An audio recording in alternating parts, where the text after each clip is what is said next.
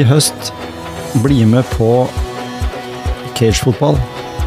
Dette er kjempegøy fotball eh, inne i et bur. Vi spiller på kunstgressbane. Det er eh, snakk om eh, fire spillere, altså tre pluss keeper. Eh, håndballmål. Maks syv spillere per lag. God premiering. Dommere. Alt er inkludert i påmeldingen. Det passer for bedrifter og vennelag. Jeg skal i hvert fall bli med. Bli med du også, da. Gå inn på cagegrenland.no og les mer om Grenlandsligaen.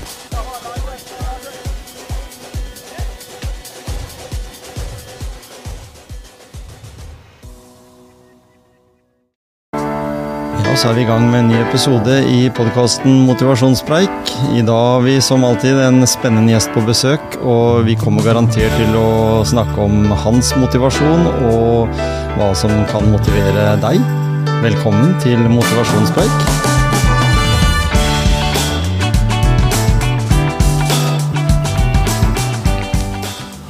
Og i dag skal vi faktisk gå så langt som til å børste støv, hvis en kan si det, av en som har vært med i podkasten før. Espen Ellingsen, velkommen til studio. Takk.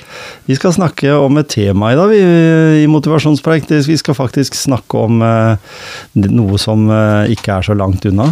Eh, 11. september, da kommer vi til kommunevalg. Eh, og vi skal se litt på en politikers rolle i samfunnet.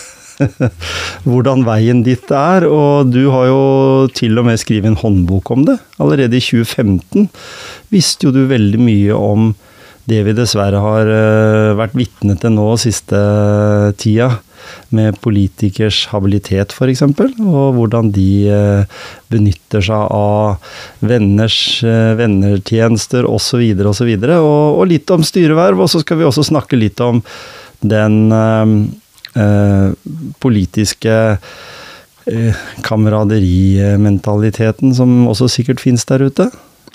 Det er et veldig spennende, te spennende tema. og jeg, For åtte år siden så skrev jeg Politikerhåndboka, som er en satirebok. Ja. Som da har fokus på hvordan politikere som kommer inn i bystyre og fylkesting og Mm. på Stortinget, hvordan de Altså, det er en hjelpebok, da. Det er Ja. En sånn selvhjelpsbok. Ikke sant? Hvordan få det til, og hvordan kan jeg korrumpere, og hvordan kan jeg få akkurat det jeg vil ha. Mhm. Og det har vi jo sett at det er mange som, eh, Som gjør. Og, som gjør, og som, og som også har de da tydeligvis ikke lest politikerhåndboka godt nok. fordi de har, de har jo mista disse vervene sine, mm. eh, og toppverva. Og det er jo det som er uh, meninga med politikerhåndboka, at det, man, hvis man leser den boka, så skal man beholde verva, Ja. selv med å være litt uh, ordne seg litt eh, og gi seg sjøl fordeler. da. Og det var jo det jeg tenkte som da blir motivasjonen i denne eh, episoden.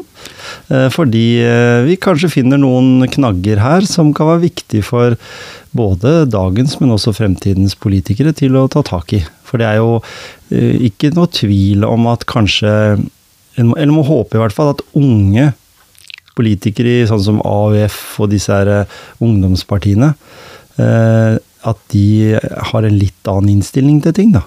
Jeg syns det er veldig flott at ungdom engasjerer seg, og jeg mener med at, at i dag så er jo blitt politikk som har blitt det viktigste for veldig mange. Ja, der, er, for der ligger det veldig mange muligheter. Mhm. Men eh, det er jo like flott å gå inn i speideren. Ja. Engasjere seg i idrettslaget, engasjere seg i korpset. Mm. Altså det er jo det å gjøre andre ting da, enn at man absolutt må nødt til å inn i politikken. Men når vi da er inne i politikken, og man har, er, går inn i ungdomsorganisasjoner, så er det ofte det blitt et problem. Mhm. I dag så sitter halvparten av 169 eh, medlemmer i Stortinget, som er representanter for oss i Stortinget. Halvparten av det, minst halvparten, er noe vi kaller for politiske broilere. Ja. De har, gått, eh, har brukt eh, ungdomspolitikken først som en karrierevei til å komme inn på Stortinget. Først går man inn i ungdomsorganisasjonen til et, et parti, så kommer man inn i bystyret, og gjerne inn i fylkesstyret, så har pengene begynt å komme, og så får man etter hvert de, de, de dyktigste av de, og de med spissest albuer, de kommer inn på Stortinget. Mm. Men, men når vi nevner dette her, for det ligger jo mye økonomi bak. Vi ser jo det. Altså økonomi og makt, det er jo liksom de faktorene som er med. Hvis vi tar dette her og flytter det over i idretten, da. Så vet vi det at en fotballspiller, han Noen de føler liksom de er ikke så opptatt av hva de tjener, de er opptatt av å spille. og så er det noen som er veldig opptatt av å tjene penger, og sitter gjerne på benken i fem år, men de har tjent mer penger enn han som har spilt 500 kamper for eh, Odd, Odd eller for et uh, Lillestrøm eller Rosenborg eller hva det måtte være. Så, så tenker jeg er jo litt den samme greia. Vi er jo på en måte litt uh, grådig konstruert, vi mennesker. Det er overlevelsesinstinktet vårt. Ja, vi er, vi er jo Altså, mennesker er, mennesker er jo det verste dyret. Vi Ja. er grådige, og vi er slemme mot hverandre. Og så kan vi også være snille med hverandre. Men når det gjelder dette her å, å gå inn i politikken, så tror jeg at det er alle som går inn i politikken, også ungdom, mm. med, med en type ideologi og en Ja, ja. om å kunne forandre. Mm. Og så ender vi da med, som Ola Borten Moe nå, som måtte da gå av som, eh, som eh, statsråd, fordi han blei grådig. Ja. Og hadde veldig mange, som jeg har en teori om det, hadde veldig mange av disse som du ser Trettebergstuen, eh, Brenna, eh, Hajik, altså alle disse menneskene som har vært, som nå har fått seg en korrigering på Stortinget, hadde mange av de vært i arbeid før de gikk inn i kom inn på Stortinget, så hadde kanskje dette blitt korrigert bort Ja, tidligere. At underveis, en, ja. arbeidsgiver sagt at det, Ikke kan sant? du ikke gjøre. Mens man, når man kommer inn i politikken, så er disse politiske ledere allerede fra de er 16 år gamle. Mm. Og det er ingen som tør å korrigere. De sier fra til at øy, hør her, sånn kan vi ikke holde på. Mm. Og er, er, den litt, og er den litt mangelfull, den instruksjonsboka de får? de får? Hvis de får en sånn mappe første gang de kommer på Stortinget, eller, eller inn i det politiske partiet, så her er våre retningslinjer. Og da ville jo i hvert fall første vært stått eh, i forhold til habilitet, som har vært en veldig stor faktor nå. Og det, det nytter jo ikke for statsministeren vår å stå fram og si noe om dette engang, fordi han må jo bare legge seg flat og si at eh, sorry, men eh, hadde jeg visst dette her, så hadde ikke jeg latt den personen bli minister, f.eks. da. Eh, det kan jo være noe der òg. At, eller at, det er en- at det er en sånn nominasjon at eh, du, har du noen tips, eh, Vedum, eh, fra ditt parti om noen som kunne egne seg til å sitte i regjering, og så blir det en sånn Ja, ja, jeg vet om han Ola Borten Moe, han er ganske god på det og det og det. Ja, men da spør vi han. Når du, er, når, du havner, når, du havner som, når du havner som statsråd i, Ja. i en regjering, da, så, så er det klart at du, du er jo De fleste er jo godt kjente med hverandre fra før av. Og, og i Senterpartiet, all, nesten alle disse Den her famøse hytteturen til Senterpartiets ledelse, Mm. uh, hvor, de, hvor de sendte sånne grisemeldinger til, eh, til den partilederen som var den gangen. Mm. Så det er klart at, Men når du kommer inn i et bystyre, som kanskje fersk politiker, så har man tre dager hvor, man, der, hvor man blir kursa i habilitet, inhabilitet, eh, i korrupsjon. Hva, hva, hva er dette for noe? Mhm. Og habilitet Habilitet, veldig enkelt, det er at den personen er inhabil. eh, I rettslig forstand betyr det at det foreligger omstendigheter som er, evne, som er egnet til å svekke tilliten til vedkommendes upartiskhet i en bestemt sak. Det vil si at det, det å være inhabil, det er noe vanlige folk, vi som er normalt utrusta, Ja, ja. vi, vi, vi skjønner det sjøl, uten at du egentlig behøver å spørre en, en jurist eller en juristavdeling i kommunen eller lovavdelingen i, i, i, i, på, på statsministeren. Altså, man vet om man er habil eller ikke habil i en sak, Ja. fordi man vet om man kjenner de eller de eller de, eller man vet om man har aksjer der og i det og det selskapet som da eksempelvis en, en regjering skal kjøpe mer ammunisjon fra. Ikke sant? Ikke sant? Og så har man, så har man det gående. Og Ola Borten Moe, jeg, jeg syns han er en flink fyr, så jeg har ikke med det å gjøre. Men han visste jo at han hadde rett før kjøpt aksjer i Kongsberg Gruppen, Ja, som eide 25 av, av Amno. Mm. Så liksom At han ikke forsto det og visste det sjøl. Mm. Ja. Men problemet, tror jeg, med veldig mange av de som du har sett har blitt tatt nå de siste par åra, i forbindelse med ulike, ulike feil de har gjort med reiseregninger, eller med, med å bo hjemme på hybel, eller altså, et eller annet sånt som Borten Moe nå, da. Jeg tror at, at jeg tror at de vet det, men, men de bryr seg ikke om det fordi at de har ikke sluppet unna med det før. Nei. De har ikke blitt korrigert i, mens de var unge. Mm. Og så kommer man da, ingen har sagt fra til dem, og så kommer de som, statsråd, og så er de plutselig fått. Så det er mange som har spurt meg da, tror du Espen at det er eh, at, eh, eh, at politikerne har blitt dummere? og da sier jeg nei.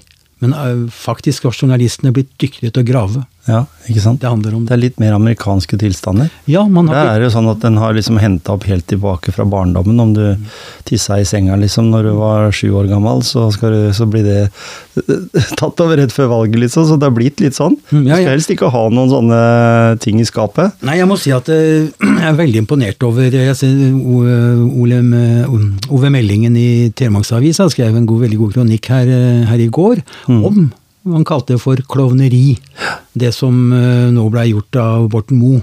Og egentlig klovneri også egentlig av partiene som ikke klarer å hente fram eh, statsråder og, og toppolitikere som, som man er sikker på vil klare å holde seg på den smale sti. Mm.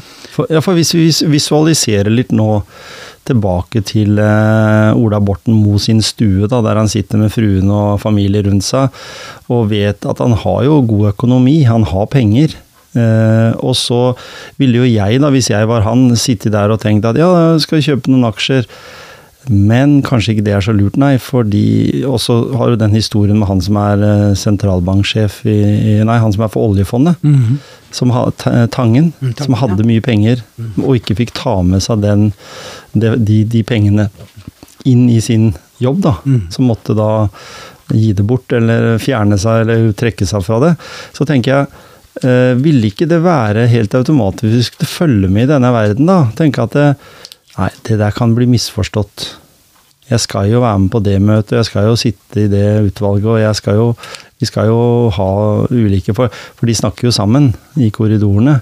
Eh, Jeg, jeg syns det er kanskje den merkeligste saken, fordi jeg tenker at hvis vi tar eh, Anette Trettebergstuen, som jeg for så vidt syns var en veldig, veldig flink dame, og hun hadde på en måte den innstillinga og, og liksom likestillingsmessig så, så hun, fremma hun nok en del av den legningen hun har, at de fikk en eh, større stemme også, at det er viktig òg, men allikevel så var det egentlig mer ubetydelige ting, tenker jeg, da, selv om en bryter sammen. For vi snakker jo om her at eh, en skal sikre seg sin pen- pen- pensjon gjennom fordeler han har ved at han får inside-informasjon. Det det er jo kjempe altså, Her snakker vi om at Økokrim kommer på døra og skal se på e-poster og, og, og sjekke PC-en din, liksom. Hæ? Det er ganske alvorlig. Men det, ja, det, altså, det, det er dette her at de er, de er så vant med å ikke bli tatt. Mm. Eh, De er van, de, altså det, er en, det er en sånn type ulovlighet i samtidig. Selv av pressen i, fra de kommunene de kommer fra, har jo aldri tatt de. Sånn var det jo fram til bare noen få år siden, før Ja. blant Ove Meldingen. Og Thorsen i Varden også. At de torde å si fra. At de begynte å si fra. Ja. Før når jeg kom med politikerhåndboka for åtte og en annen liten før den igjen, Mm. for ti år siden, åtte-ti år siden, så blei jeg jo uglesett, for Ja. jeg var jo så stygg og slem og frekk og dum som det gikk an å bli, så jeg blei jo skikkelig kansellert. Mm. Ja. Så jeg har jo ikke, ingen som har snakka om politikerhåndboka. Nei. Og så viser det seg nå det siste året at den går jo i oppfyllelse. For problemet er at politikerne har jo ikke lest politikerhåndboka. Nei. De har ikke forstått at de må jo passe på hele tida. Mm. Så når man ser at man er in- inhabil, så må man gå vekk. Så de passer jo ikke på seg sjøl, fordi ingen har stoppa de tidligere. Nei. Og, det, og det, det tror jeg har blitt et, et stort problem for veldig mange politikere. Mhm. Du har noen politikere som, er, som har klart det på en utmerket måte, som ikke er grådig, bl.a. Torbjørn Røe Isaksen. Mhm. Veldig dyktig kar. som jeg mener jo, jeg er veldig uenig i det han står for politisk, men han er veldig dyktig fordi at han har holdt seg unna alle sånne ting. Mhm. Han har ikke blitt grådig. Og nå ser jo Arbeiderpartiregjeringen som skal på en måte være Nå er det vanlige folks tur. Ja, men det er jo ikke vanlige folks tur da. Mhm. Nei. Når, når, når sånne som Borten Moe da kan gjøre sånne ting. Ja. Men det er jo en ting, vet du. Det har jo dette som du sier med korrigering. Og Torbjørn er jo flaska opp i speideren. ikke sant? For han har en litt annen bakgrunn også. Ja, så, du har, så, du jo, så du har jo mange politikere som, som har vært på Stortinget og mange valgperioder. Mm. Som, og som, jeg, som du ser at de, de, de ikke er i rike og ikke er millionærer, men de passer seg, og de Mm. vet de har den her innebygde, innebygde grensa. At det, det er inhabilitet, og det er korrupsjon. Mm. Ja. Og når de vet det, så bør ikke de spørre, spørre Lovavdelingen om det, Nei, i, hos statsministeren om det. Er, det. er det sånn eller sånn? Nei, de vet det, de. Ja, fordi det også sier litt om magefølelsen vår. Det har noe med moralen Ikke sant? Den moralen vi er vokst opp med.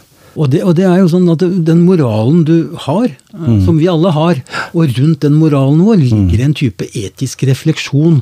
Og da har man lært at det, ja, ok, det gjør vi, pleier vi å gjøre, men kan jeg sånn teoretisk gjøre det? Er det bra å gjøre det i forhold til andre? Og ikke minst i det tillitsvervet de da har. Ja. For de har bare tillit så lenge de har tillit til Ikke sant? Ikke sant? Og når du har skrevet i boka di om man vil bevare sine politiske maktposisjoner, må man, når man ser det er nødvendig, dolke motstanderen i ryggen og påse at de ikke reiser seg igjen. Ja. Det er en sånn Og det er jo det, som og det, er jo det man gjør. altså. Ja. Det, er, det er jo, som vi har snakka om tidligere, altså det, er ikke, det er jo ikke uvennskap og krig nær sagt mellom partiene. Nei. Men det er jo innad i partiene. Det er jo der kampen står. Kampen om de lukrative kjøttbeina, kampen om politiske posisjoner. fordi har du ikke en framtreden politisk posisjon, så får du heller ikke styreverv i selskapet kommunen, fylket, staten har eierskap i. Så du er nødt til å komme fram i eget parti, og gjør du ikke det, så har du ingen sjanse. Nei, da blir du holdt nede. Da blir du holdt nede av de andre. Og der kan vi da se at er sånn som i, rundt omkring, bare hvis vi kan ta eksempelvis Telemark, mm. kommunen i Telemark og Telemark fylkesting, de samme politikerne valgår etter valgår, de er på toppen. Mm. Og hvorfor er, de så, hvorfor er det så viktig for dem å være på toppen og komme inn og i de, mest, de beste og de mest lukrative posis, politiske posis- posisjonene, og opprettholder posisjonene i, i styreverv i, i kommunale selskaper? Jo, fordi det representerer makt. Man, det representerer anseelse, og ikke, ikke minst mye penger. Men, men veien fra å være i politikken Altså kontra det Altså hvis du er vanlig bystyrepolitiker, da. Eh, på grasrota, for å si det sånn, i politikken. Eh, så er det jo ikke mye penger. Debatten har jo vært mye rundt dette at jeg må få litt for det. Og det husker jeg når du ga ut boka di, så hadde du Jan Terje Olsen som uttalte seg om at eh, en måtte jo få litt igjen for at en måtte bruke dagtid eh, til møter. Eh, Det er jeg helt enig i. Ja. Jeg, jeg, men, jeg mener det at det, hvis man er, eh, bruker mye tid på politikk, Mm. så, så mener jeg at eh, det beste som det var før, for, for 25 år siden, før kommunen, annet Skien, Telemark fylkesting, innførte penger i forhold til, forhold til hva en stortingsrepresentant tjente osv. Mm. Før man lagde sånne godtgjør, godtgjøringsreglementer, så fikk man, eh, var det veldig vanlig å, å få eh, at, man blei- at kommunen eh, betalte lønna, sånn at man fikk fri, og så betalte kommunen lønna. Olav Havstad, en, en nestor i Arbeiderpartiet i Porsgrunn gjennom mange mange år, han fortalte meg en gang om faren sin, Isak Havstad. Han jobba på, nede på Hydro, og, og når han da øh, og Den gangen så var det da eh, to rådmenn i en kommune, og han var da eh, gruppeleder for Arbeiderpartiet. og han da skulle, Når han skulle snakke med, med, med rådmann, i forhold at, fordi at posisjonen skulle da ha en sak laget mot posisjonen, for man, administrasjonen i en kommune lager jo ikke en, en sak til, til politikerne som på en måte ikke poli, posisjonen kan godta. Kan godta. Da sykla han opp i pausa. Ja. Så tok en, eh, tok en kaffe og, og, nista hos, på rådmannskontoret. Ja, det er for lenge siden, og man kan jo si at ja, det er jo en, en, en, forglemt tid. Men poenget er at det, det å være politiker, det er noe som alle kan være. Alle som bor i kommunen kan engasjere seg politisk, men i dag så har det blitt sånn at man kumulerer jo ja. eh, maks antall personer. Så bare et eksempel. Skien kommune, der er det den, den kommunen i Telemark med flest eh, representanter i bystyret, de har nå da altså da kumulert ti personer på toppen. Det vil si at de personene de får 25% mer stemmer i forhold til totalt antall stemmer eh, som eh, partiet får ved valg. Og Det betyr jo igjen at alle de som er under, de har jo ikke kjangs Nei, det er vanskelig, det. De kan jo ikke komme inn i bystyret fordi de har bestemt, bestemt seg for, gjennom mm, korrupsjon, eh, vennskap eh, med valgkomiteen, vennskap med, med de, og de er en en gruppe. Mm. Og valgår etter valgår så ser du de samme ti personene som er da på toppen, og det er de som bestemmer. Men snakker vi om store penger her, for å være i en sånn situasjon? Altså, at du kommer i bystyret, så er det vel bare kompensasjon? Ja, men i, by, i bystyret i Skien kommune så er det i hvert fall de ti, de ti eh, fremste politikerne i partiene. De har jo mellom en eh, 400-500 til en million kroner i året for å, med ordføreren på toppen, da, i året for, å, for de politiske, politiske oppgavene de har. Men det er jo ikke der pengene, de store pengene ligger. De store pengene ligger jo i styreverva. Ja. Som de da som eh, når posisjonen da skal bestemme. Som en får i hvem, og så bruker man jo ofte da, så her for en to valgperioder siden, så var jo KrF involvert i en, eh, i en sak med, Erling med um, Rolf Erling Andersen, hvor de da eh, fikk eh, måtte utvida med noe med komité osv. for skulle få det til å stemme. Og da kosta det plutselig eh, kommunen eh, 200 000-300 000 kroner ekstra i året. fordi da var det noen som flere som skulle beholde eh, politiske godtgjørelser osv. Så, videre. så man bruker jo politiske godtgjørelser som forhandlingskort, og man bruker styreverv i kommunale selskaper som forhandlingskort for å kunne skape eksempelvis en posisjon i en bystyre. Ja. Så man har tatt gris til noe ordentlig griseri.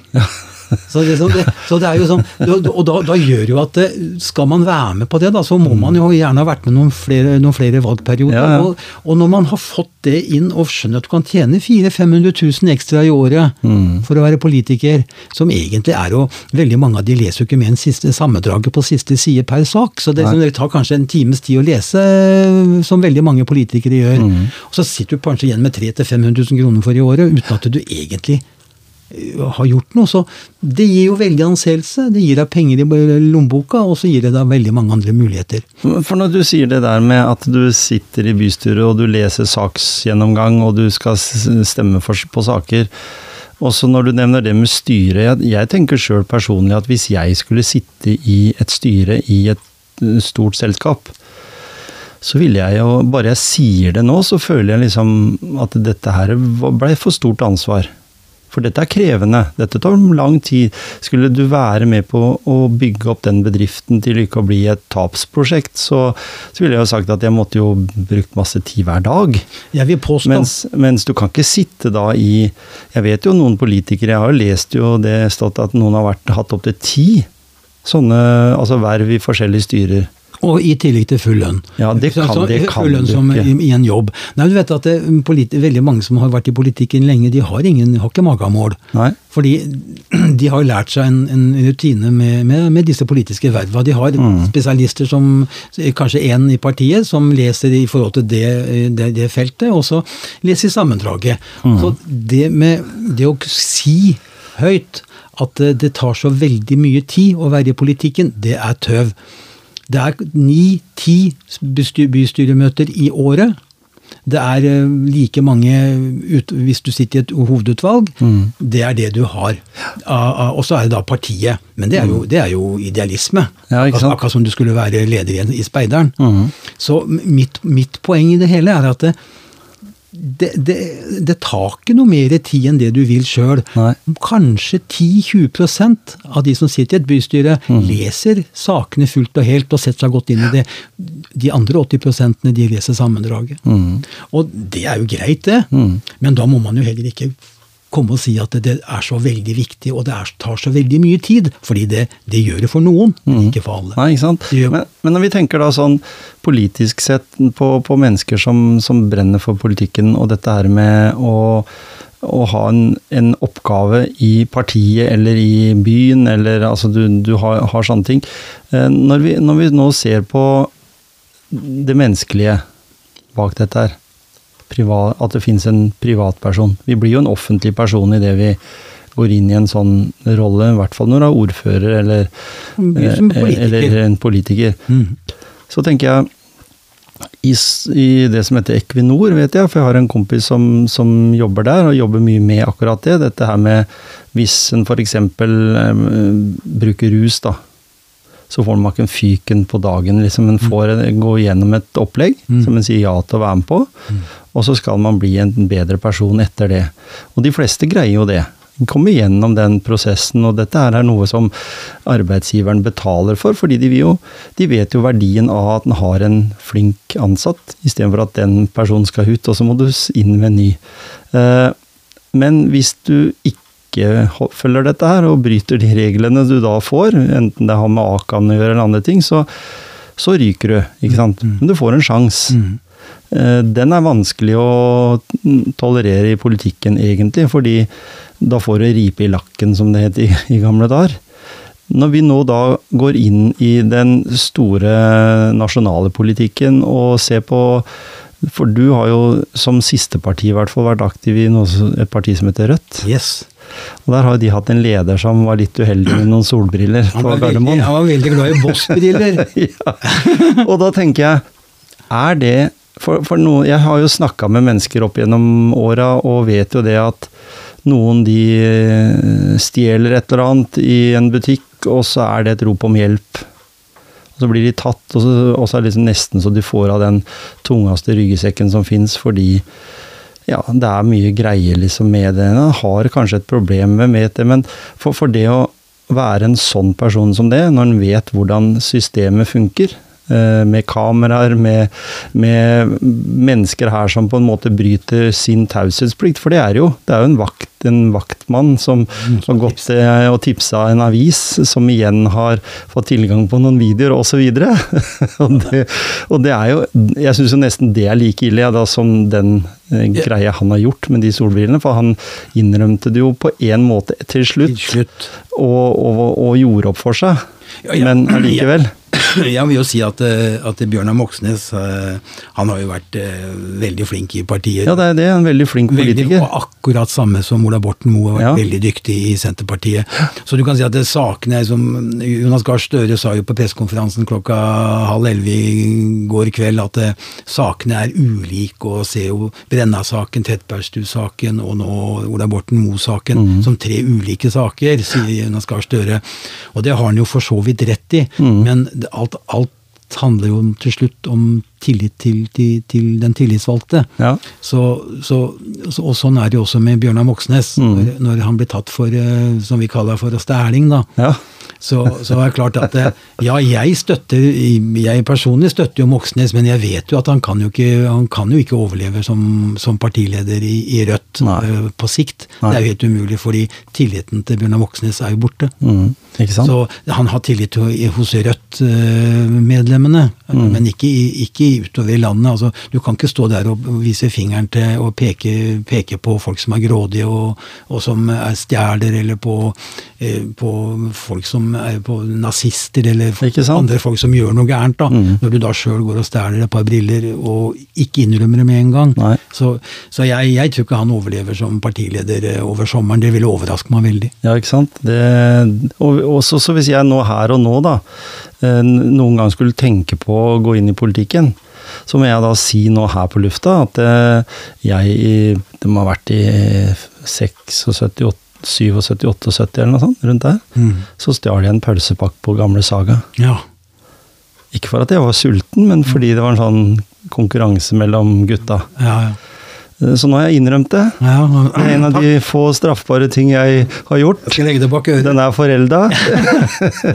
Men hvis det blir gravd rundt min person, så er det en av de tinga som jeg kan bli tatt for. Alle, alle, alle har vi stært. Det er ingen som ikke har tatt noe eller gjort noe vi ikke, Nei, ikke har gjort. Så jeg, jeg kan ikke sitte og si at ja, fy søren, han Ola Borten Moe.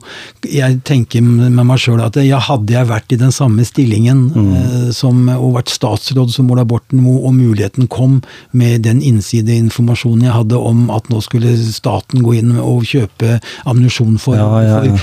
for 4,3 milliarder kroner mer. Ja. Så det er klart at det, Og du sitter og du har penger i banken, så Mm. jeg, jeg tror jeg, Kanskje jeg ikke hadde vært bedre, jeg håper jeg hadde vært bedre og Ja. tenkt meg bedre om, men det har igjen da noe med moral og den, den refleksjonen vi Mm. legger rundt, rundt moralen at må du, du vet at du har tillitsverv, og alle ser deg, og alle kan se deg i korta. De kan til og med Mm. se på, så, på mobiltelefonen din med inn meldinger du får inn. Ja, ja. Altså, man, har, man kan få, I forhold til offentlighetsloven så kan man få ut nesten det meste. Ja. Så man må passe seg. Mm. Og derfor så er jeg så overraska over at Bjørnar Moxnes stjal de brillene på Gardermoen. For det at det, det Han kunne heller satt, Ja, lage, det- Hvis han hadde lyst ja, på det sånne er- solbriller, så kan han lage en plei, spleis. Ja, det var liksom Og det hvis det sto om pengene. Ja, for det var ikke Robin, det var ikke noe Robin Hood-opplevelse heller. Han tok det putta i sin egen lomme, han Ja. stjal ikke til noen. Nei. Og samme er det med, med Ola Borten Moe nå. Mm. Altså de pengene, så, altså Han kjøpte aksjer i de selskapene som Han- flere, flere ganger. Ja. Nesten oppe opp att en million kroner i det Amno, som Mm. eid av Kong, eller delvis eid av Kongsberg Gruppen. Og Ja. han gjorde jo for å berike seg sjøl. Mm. Og det er liksom, jeg, er, jeg har veldig, som kanskje veldig mange andre, kanskje noen av de lytterne der ute, at det har problemer med å forstå. Hvorfor gjør du det når du, når du har alt? Ja. Men da er jo også litt av den mottoet at jeg, han jeg har jo alt, så det var kanskje også alt du hadde. Mhm. Så liksom, det, det er veldig vanskelig å skjønne for oss når du har jobba Mm. gjennom så mange tiår for å komme fram i en maktposisjon Mm. som statsråd, også i løpet av i en dum vurdering, så, så, så er alt borte. Sånn som med Trettebergstuen. Hun fikk, hun fikk beskjed av, av lovavdelingen eh, i departementet eh, og hele juristene i sitt eget departement at du kan ikke utnevne de personene som du kjenner der, til de styreverva. Mm. Allikevel så overhørte hun det to ganger og, og utpekte de til, til de styreverva. Mm. Det er jo for oss helt ufattelig å forstå, men det er kanskje Men hvis vi hadde vært en del av den elitedivisjonen av politikere, så har jo alltid sluppet unna med det. Ja. For du slipper unna med det i kommunestyret, du slipper unna med det i, fylke, i fylkestinget. fordi der er ikke så tett på, men når du kommer med VG, Dagbladet, Aftenposten Ja, og Dagens Næringsliv Snuser deg ryggen hele ja, tida. så er, de, så, så er de jo etter deg på en helt annen måte. Mm. Og det, er jo, det også er jo kanskje litt av motivasjonen, den motivasjonspreiken vi har her. at eh, jeg hadde jo heller sett mindre eh, her i, i den lokale eh, mediafloraen i, i Telemark. Det hadde vært, kanskje vært bra med færre oppslag om, eh, om folk som selger og kjøper hytter, eller om oppussingsobjekter, og, og for, mindre om, om, om folk som forteller at de har traumatiske liv. Kanskje mer graving Ja. i nettopp å se hva politikere, maktpersoner i samfunnet vårt gjør. Og det må jeg si, der mangler Thea Varden. Eh, Porsgrunns Dagblad, eh, Telen, Kragerø, Vestma Blad. Altså De mangler det her aspektet med å grave litt. Bruke tid på å grave Mm. istedenfor å, å lage sånne tøysesaker som egentlig folk ikke gidder å lese. Ja, og når du sier det, da, så, så har jeg hatt eh, begge redaktørene med i Motivasjonspreik tidligere. Og sist så hadde jeg jo, jo redaktøren fra, fra Varden. Og jeg måtte jo nødt til å nevne dette her med at det, for meg så er det uinteressant å høre om en mann oppe i Båtsfjord som har pussa opp båten sin. Fordi jeg vet at det er sikkert minst 100, kanskje 200 stykker i Grenland som har pussa opp båten sin på akkurat samme måten. Ja, det har så, så, og, og, men det jeg vil fram til her, da, det er jo det at, som du sier òg, grave litt mer lokalt. Altså ha en politisk redaktør. Jeg tror ikke avisene har det lenger. I hvert fall ikke den papiravisa. Eh, eh, så er det veldig mye som går på nett, og så er det veldig mange historier som hentes fra f.eks. jeg så i Varden i dag, så sto det noe fra Drammens Tidende eh, som var tatt derfra. Men det kommer ikke så tydelig fram i den i avisa. Det står liksom Skien skråstrek Drammen, og så, og så får du liksom, så leser du litt om det, og så er historien i seg sjøl veldig relatert til mye som skjer her også. Men, men allikevel så er det en nasjonal greie, eller noe som er innad i. Og jeg skjønte at det, grunnen var rett og slett at det var en sak som hadde mange klikk på nettet. Alt handler om klikk. Ja, ikke sant? Og jeg, for ti-tolv år siden så, så eh, skrev jeg en, en eh, Lagde en sånn type lignende bok, en politisk gjenganger, da, men eh, den som var før den. Og da ble det tatt opp i en leder av, av den gangen politisk, tror jeg var politisk redaktør i, i Varden, en som heter Tore Svarvarud, en veldig flink fyr. Eh, og, og han skrev, og jeg da hadde skrevet om, eh, om de voldsomme gode godtgjørings... Eller det veldig gode godtgjøringsreglementet som politikerne på fylket har. Mhm. Eh, og som de hadde laga seg for dette her godtgjøringsreglementet som er i kommunestyrer og i fylkestinget, det er jo noe politikerne sjøl lager. Eh, og, og jeg bretta ut det i ulike kronikker osv. Så, videre. så skrev han Svarvarud en kronikk om det, eller en, leder i, i Verden om det, hvor han mente at det, det var jo bare tøv, det jeg kom med. Mm. Og jeg tror ikke det er tøv. Det er ikke tøv lenger. fordi Hadde det vært tøv, så hadde jo ikke uh, Oslo-avisene drevet og gravd så i, uh, i, um, i stortingspolitikernes fordelsapparat Nei, som de, som de sjøl har vedtatt på Stortinget. Mm. Nå har det heldigvis blitt litt, litt mer edruelig i det å bevilge seg sjøl, men fremdeles så er det jo en egen elit, elitistisk sekt som er på Stortinget. Når du har vært der en periode, så, så vet du at du, du, kan gjøre hva du vil nesten ja. i verden, bare du passer på at ikke du blir tatt for stæling eller eller, eller, eller, eller bryter sånn. habilitetsreglene. Ja, sant? Så, så det, det, er jo sånn men hvis, hadde, men hvis, du hadde, latt den saken bli dyssa ned, f.eks. den med Tonje Brenna, f.eks. Mm. Eh, Eh, det kunne også vært at hvis ikke vi hadde hatt metoo, så hadde vel også den med Trond Giske blitt eh, dyssa ned. Mm. Hvis ikke det var sånn at, hvis vi går på den nasjonale politikken, at han var en trussel for veldig mange i forhold til hans popularitet. For det er jo mange jeg på en måte har eh, prata med og lytta til og lest om, som mener at han, hvis ikke han hadde vært utsatt for den heksejakta, som de kaller akkurat det, da, på, på de tinga han hadde før han var eller når han var singel, for å si det sånn. Mm. Eh, så ville han kanskje vært den som var statsminister i Norge, for han var egentlig den dyktigste politikeren de hadde. Han er jo, venstre, han er jo venstresidas mann. Ikke sant? Ja. Men det som var feil med Trond Giske-saken, det var jo det at han blei felt på en sak som ikke var reell. Ja, ja. Alt det før, dette, disse varslene som hadde kommet inn på den, eh, det virker jo som de var ekte, de varslene. Ja. Og, men de ble ikke tatt så, så på alvor. Nei. Men den videoen, dansevideoen med Trond Giske, mm. den blei tatt på alvor plutselig. Men den var jo konstruert. Ja, ikke sant? Så det, det, det, var ikke det som videoen viste, det var ikke det som var Nei, sannheten. Var... Han blei jo, ble jo felt på noe som, som, eh, som, var Og det har jo VG, VG også beklaga. Men det som, det som, jeg, som jeg mener kanskje kan Hvis vi kan få Eh, hissa opp eh, lokalaviser til å begynne å grave mer ja, i makt, i hvordan makta, eh, maktmennesker mm. mm. bruker makta si, hvordan de fordeler makt og hvordan mm. det fungerer. Mm. Så mener jeg blant annet Jeg skrev en kronikk her nå nylig om, om hvordan de kumulerer seg sjøl, altså gir seg sjøl stemmetillegg, da, ja. politikerne. Og jeg mener at hvis du skal ha et åpent, godt demokrati hvor alle kan delta, mm. så kan du ikke drive og makse og kumulere så mange som mulig.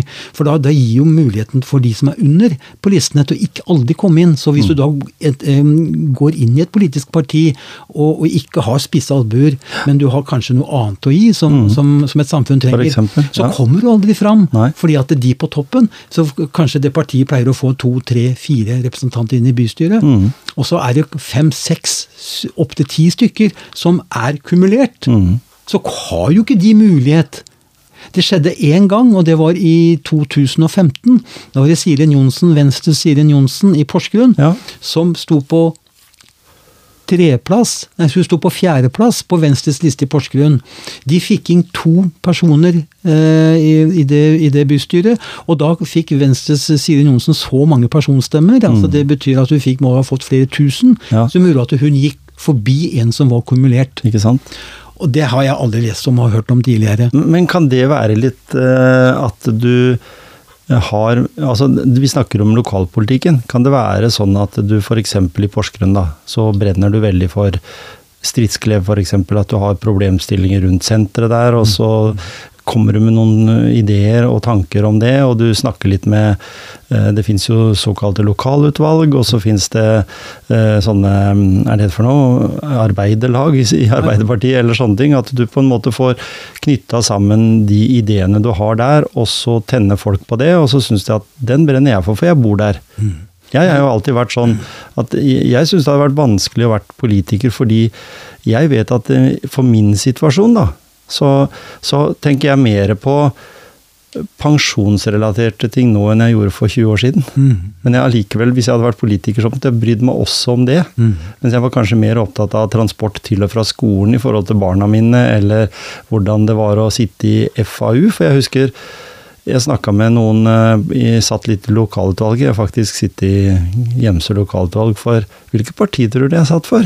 Ja, jeg tippa på venstre, sen, sen, Sosialistisk Venstreparti, kanskje? det var Frp, vet du. Frp, ja, men det Men det var den gangen, Ja. syns jeg, at Fremskrittspartiet sto for veldig mye bra, men også noe som ikke var så bra. Men, men likevel, fordi de fikk med seg veldig mange sånne eh, litt De har også, Frp har også mange gode saker, Ja, ja. Som, er, som, som, er, som, er, som er på linje med Rødt og med Arbeiderpartiet og, Sent og, og Men sitter bare på den andre sida av salen. I noen få Ja, saker? Mm. bl.a. Innvandring. Og det er jo en eh, innvandring, migrasjon, innvandring, det er jo et, et tema nå som eh, bare Fremskrittspartiet i Norge Mm. å snakke noe om. Og det er jo sånn berøringsangst fra alle partiene. Mm, men allikevel så satt jeg jo der, da, og jeg hadde jo noen sånne hjertesaker. Og jeg, jeg sa det, jeg husker jeg, at eh, For det var mange som klaga over at det var så vanskelig å rekruttere lokale fra, altså politikere, f.eks. fra Hjemsø, her jeg bor. Så sier jeg det at de engasjerte personene nå, de finner du i FAU på skolene. Ja. De personene som kanskje kunne vært potensielle politikere, da, eller vært med i lokalpolitikken, de er der. Fordi de er engasjert i hva barna deres opplever på skolen, i og rundt skolen. Og jeg husker jeg var jo, brant jo veldig for trafikksituasjonen i, i, på på Mm. Jeg så jo allerede den gangen, og dette her var jo på tidlig 2000-tallet. Så jeg har forandra litt. Jeg har blitt litt rødere med åra, da. Men allikevel. eh, Jeg så det for meg da at dette her kan bli et problem. Vi bygger opp et handelssentrum eh, i et område, type Hercules-område, da, som har blitt veldig bra, men som allikevel kanskje har løst den trafikale løsningen veldig dårlig. I forhold til at det er veldig få veier. Vi fikk gangbru over til Klosterøya, og det har jo vært en fordel for å avlaste for fotgjengertrafikken som skal til byen. Men vi kunne hatt mye mer eh, kommunikasjon mellom bydelene, sånn at eh, en slapp å få så mye biltrafikk da. Det var jeg opptatt av allerede den gang, det var lenge før bypakka. Og det er jo, det er jo, det er jo via ja, så, sånne, sånne kommunale organisasjoner som det, da, som mange blir rekruttert inn. Ja, ikke sant? Arbeiderpartiet spesielt er jo veldig flinke til å hente, hente nye ansikter. Mm. Og Arbeiderpartiet Jeg har kritisert mye Arbeiderpartiet, men Arbeiderpartiet har gjort veldig mye godt. altså Uten Arbeiderpartiet så hadde vi jo ikke hatt det gode samfunnet vi har heller i, i dag. Men Men apropos, jeg må bare fra politikerhåndboka, da, Mm. når vi da Ja, det må komme med. et, når, eh, når utgangspunktet på en måte var med, med, Ola- men den habilitet, da, Mm. og det å, det å gi seg sjøl fordeler fremfor andre Så det er bare det som er trist med Borten Moe, at han ikke har lest politikerhåndboka. Mm. Fordi at Hadde han gjort det, så hadde han kanskje sittet fremdeles som statsråd. Kanskje du skulle sende en til den? Ja, kanskje jeg skal gjøre det for. Det som står her, blant annet, da, altså er jo eh, en av disse her titopperne, det er at pass på du ikke trår feil slik at media får ferten av deg. Da kan du bli felt. Gjør du feil som påpekes av ulike medier og kritiske samfunnsrøster, lyv ikke. Legg deg paddeflat med en gang, slik at velgerne oppfatter din ydmykhet som en styrke. Glem heller ikke at dagens avisoppslag brukes til å pakke inn fisk på torvet i morgen. Så det han gjorde feil, det var at han ble litt for grådig. For Ja. du klarer ikke å komme unna det når du blir litt for grådig. Og det er jo sånn motivasjon til, unnskyld, motivasjon til politikere at ikke bli grådig. Tenk på hvorfor. Man må tenke på hvorfor man er valgt inn. Ja. Man er ikke valgt inn for seg sjøl. For hvis de politikerne som velges inn for seg sjøl, de, de, de får aldri til. Du må ha noe, noe større i sikte. Det må være at du er interessert i å forandre eller gjøre ting bedre for folk rundt deg. Din egen familie, folk du, i bydelen din, folk i byen din. De politikerne som er interessert i det, de, de får det som veldig mange er ute etter. De får anseelse. De tjener godt med penger. og De får gode styreverv der de har lyst til å være. Og så får de en sikker jobb når de er ferdig. Eller føler at de er ferdig. Ja, du kan jo se at uh, Arbeiderpartiets uh, Maja Foss Five, som har vært på fylkestinget, først var jeg i bystyret i Skien i, en eller to valgperioder, og så har hun vært da på fylket og vært hovedutvalgsleder, og er nå var varaordfører, før hun nå hoppa over til en jobb som, eh, som kultursjef i fylkeskommunen. En jobb som i min verden vi ikke skulle hatt, fordi det er eh, hun, hun var eh, hemmelig søker, altså skjult søker, og ingen media fikk ikke muligheten til å grave i det. Og det er en sak som media ikke har tatt tak i i det hele tatt. Mm. Sånne ting. Men hun har lest politikerhåndboka, tydeligvis. Ja. eh, Og det har jeg da hatt suksess med. Du må passe dine spor, så ikke du blir tatt. Men så skal en annen ting sies, da. At de to jentene der er jo flinke og engasjerte. Veldig flinke, og det skal de ha. Så- Og det, det handler ikke om at Hedda Foss Five og Maja Foss Five er flinke kommunikatorer, spesielt Hedda Foss Five. er Kjempedyktig kommunikator. Mm. Dyktig på å vise hva hun gjør. eh, eh, altså, og jeg tror, jeg tror ikke at Hedda Foss Five sitter, som har sittet nå i tre perioder som ordfører Mm. for seg sjøl. Jeg har jo sett, eh, og som alle andre i Skien, har sett at eh, Hedda Foss Five er interessert i bussbarna sine, interessert i at ting skal gå bra for folk. Mm. Så altså, Hun er en, er virkelig engasjert, men hun har gjort tråkka over noen ganger, og som har gjort at hun ikke fikk eh, førsteplassen, ordførerkandidatplassen. Og det er jo, som jeg vil si, at hadde hun lest politikerhåndboka, så hadde hun kanskje Hatt førsteplassen. Hatt førsteplassen ja. Hvem vet? hvem, hvem vet? Vi har ikke tatt lodder i den loddboka der. Men i dag, fra, fra du, den gang du skrev boka, så har det jo gått liksom rundt ti år, for du hadde sikkert en sånn jobbperiode med det. Mm. så har det skjedd mye på de ti åra i forhold til sosiale medier. Mm. Spesielt eh, Du har fått mange an nye. Det var liksom, på den tida der så var det kun Facebook, mer eller mindre, og Instagram. Mm. Den ene ble brukt til bilder, og den andre ble brukt til å komme med noen kommentarer og tekster. Og, og du har jo på en måte vært en, en, en bygger der av et nettverk av debatt, mm. i, spesielt gjennom Elveposten. Mm. Eh, så har vel kanskje dette her med relasjoner og nettverk blitt enda viktigere i dag enn det var den gangen, selv om det funka også den gangen. Du tok en telefon til en du visste som kanskje var bedriftsleder i Borgestad-fabrikker f.eks. For, for både du og jeg er jo vokst opp i arbeiderfamilier Mm. som har liksom jobba enten det har vært porselen eller det har vært Hydro eller hvor det måtte være. Så, så vi, vet, vi har jo det litt i blodet vårt. At dette her med jobb, det er greit. Det må en ha så lenge en må, liksom. Eh, men allikevel så er det dette med måten en i dag bygger nettverk på. Hvor viktig det er. Hvor, eller følgere, kan en vel også si. Fordi som en politiker så har jeg sagt til mange politikere at hvis du skal bli eh, mer troverdig, så vær på sosiale medier hele tida. Ikke bare akkurat rett før valget. Det er jo sånn i dag at eh, tidligere så var jo under valgkampen, som har jo da foregått det siste halve året, men spesielt da etter sommeren nå, da, Mm. siste måneden før valget, så er det veldig mange partier, lokalpartier da, som begynner å bruke mer og mer tid på Ja, ja. gå ut i gatene, dele ut flyers. Mm. Men det er egentlig litt bortkasta arbeid, for det der, folk, der du treffer folk i dag, det er jo bl.a. i vår generasjon, da, som er over 40 år, det er Facebook. Ja. Facebook, Instagram, det er der du treffer folk. Mm. Eh, også TikTok og de, de sosiale mediene der, men for folk som Og podkast, da. Podkast, blant annet, og denne podkasten. Ja.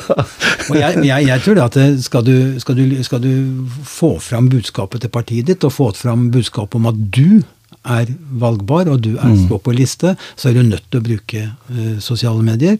Uh, avisene skriver ikke om det lenger. Avisene skriver om noe om det når det nærmer seg valget, men altså uten sosiale medier så, så mm, får man det ikke til hvis man står langt ned på liste, og da med å be om personstemmer, eksempelvis. Mhm. Så det for en lokalpolitiker da, som er under de som er uh, kumulert, så er man nødt til å jobbe for å få personstemmer. Mm. Fordi det, skal ikke, det er veldig få personstemmer, 10-15 personstemmer, så hopper du opp et nummer på, på lista. Så du er nødt til å bygge opp gjennom sosiale medier for å få personstemmer. Så kan du kanskje ryke inn i, inn i Jeg har flere eksempler på folk som jeg har, hjelp, som jeg har hjulpet inn i bystyret. Ikke inn i by, at jeg har gjort det, de har gjort det sjøl, Ja, ja. men, men rådgitt at hvis du gjør på den og den måten, så, og spesielt da bruke sosiale medier Fortelle åpent og ærlig 'jeg vil det, jeg vil det', og stem, stem meg inn. Det er veldig veldig viktig. Og hvis ikke du ber om folks støtte til å, at du ønsker å være tillitsvalgt for dem, så vet jo ikke folk om det. For de, de leser jo ikke, folk kikker jo ikke på den nominasjonslista. Nei. De stemmer på partier. I Norge så er det partidemokrati, og, Ja. og da er det partiet som du stemmer på. Mm. Men i partiet, i den, i den flyeren du får i handa som du skal stemme, Mm. der er det mange muligheter. Du kan stryke, og du kan gi folk tilleggsstemme. Mm. Og, og, når vi sier det, da, så er det jo sånn at i, i år har jeg skjønt, for, for fire år siden, ja, så, så var det veldig utprega at uh, de her nasjonale politikerne våre, de var på lokale valgkamper. Mm. Det vil si at statsministre og finansministre og andre, de, de reiste rundt i Norge og, og viste seg fram sammen med de lokale politikerne. Mm. Eh, det har jeg skjønt på noen partier som jeg har snakka med, at det blir ikke så veldig utbredt i dag. Og det er kanskje ikke det lureste Arbeiderpartiet i hvert fall. Nei, det er jo flere, er flere, partilag som har bedt eh, Jonas Gahr Støre holde seg unna. Ja, hold deg unna. Ja, og det er jo, det er jo veldig trist, for, ja. For det, det, gir jo en veldig anseelse mm. når en eh, statsråd ja, eller statsminister kommer, kommer, til partilaget og er med på en, en stand i byen. Jeg vil jo si at jeg, jeg er jo en av de som syns Jonas Gahr Støre gjør en utmerket jobb. Mm. Det er bare så trist at han han forstår ikke helt folk. Nei. fordi han er jo ikke, han er jo ikke fattiglus. Nei. Han er ikke sånn som deg og meg som sitter her og, og preiker nå. Han har, uh, han, har, han er født inn i en familie med anseelse i Oslo. Han, mm. han har studert han gikk jo, studerte på Sciences Po i Paris. altså Han har gjort ting som veldig mange ikke har hatt mulighet til å gjøre, fordi de har jo hatt masse millioner i mm. ryggen. Mm. Mm. Så, så, han får jo ikke helt til. Men Nei. som mennesketype sånn, Jeg har jo aldri snakka med Jeg har bare hørt på noen taler han har hatt, på, hatt utenfor Folkets hus i Porsgrunn. Og jeg syns han er utrolig dyktig. Mm. Og, jeg, og jeg også syns at prosjektet til Arbeiderpartiet, altså det de, det de ønsker for, for, det norske samfunnet, er jo mm. kjempebra. Og jeg mener jo også at det, det prosjektet, politiske prosjektet til Arbeiderpartiet Skien, til Arbeiderpartiet i Porsgrunn, i Bamble, altså, det er veldig gode. Mm. Det er bra ting de Men det som er et problem, det er at det, det er noen politikere som tar litt tar for mye plass. Mm. Og så blir det ofte ikke, så blir det litt for mye forhandlinger på bakrommet for å skape en posisjon. Så blir det jo ikke den politikken til slutt Nei. som man hadde forventa. Som bl.a. mellom Arbeiderpartiet og Senterpartiet på Stortinget, som de danna regjering på, på Hurdalsplattformen. Mm. Det, det blei ikke Arbeiderpartipolitikk. Det blei veldig mye Senterpartipolitikk også. Og det hadde jo ikke jeg stemt på. Nei, men Får vi det si da at de partiene, når, når, du har sånne samarbeidsløsninger Det har du også på kommunalt nivå. Mm. Uh, er det, vil det si at, du, at en kan si at det litt, blir litt for stor makt for de små? Ja, I forhold til hva de burde, fordi det er så viktig at de er med. For hvis, hvis ikke de er med, så, mister de makta. Da får de ikke posisjon. Nei, ikke og det, det, kan en, det, kan være Noen ganger så har de også vært det, bl.a. på fylket ved Senterpartiet. Ja, ja. Eh, eh, Riis-Johansen nå. Mm. Eh, de, de, er vel inne med en liten gruppe på tre-fire stykker på, på, Telemark fylkesting. og han, han, klarte å, å, forhandle seg fram til å bli fylkesordfører. Mm. Men Arbeiderpartiet kom inn med en svær gruppe. Mm. Men det var fordi at hvis ikke han hadde fått fylkesordførerklubba, så, så, ville han heller ikke delta i den posisjonen. Nei, så, hadde, så, hadde, Arbeiderpartiet mista posisjonen. Ja. Og da blir det jo også veldig mye senterpartipolitikk. Mm. Det som er bra med mange små partier som kanskje er med å danne en posisjon, det blir politikk for flere. Ja. Eh, for veldig mange flere velgere. Mm. De får litt her og litt der. Mm. Men, men, eh, når du stemmer på Arbeiderpartiet eller eh, Senterpartiet i dag, da, mm. så får du mye av det andre som du kanskje egentlig ikke er interessert i å ha. Fordi partiene er ulike.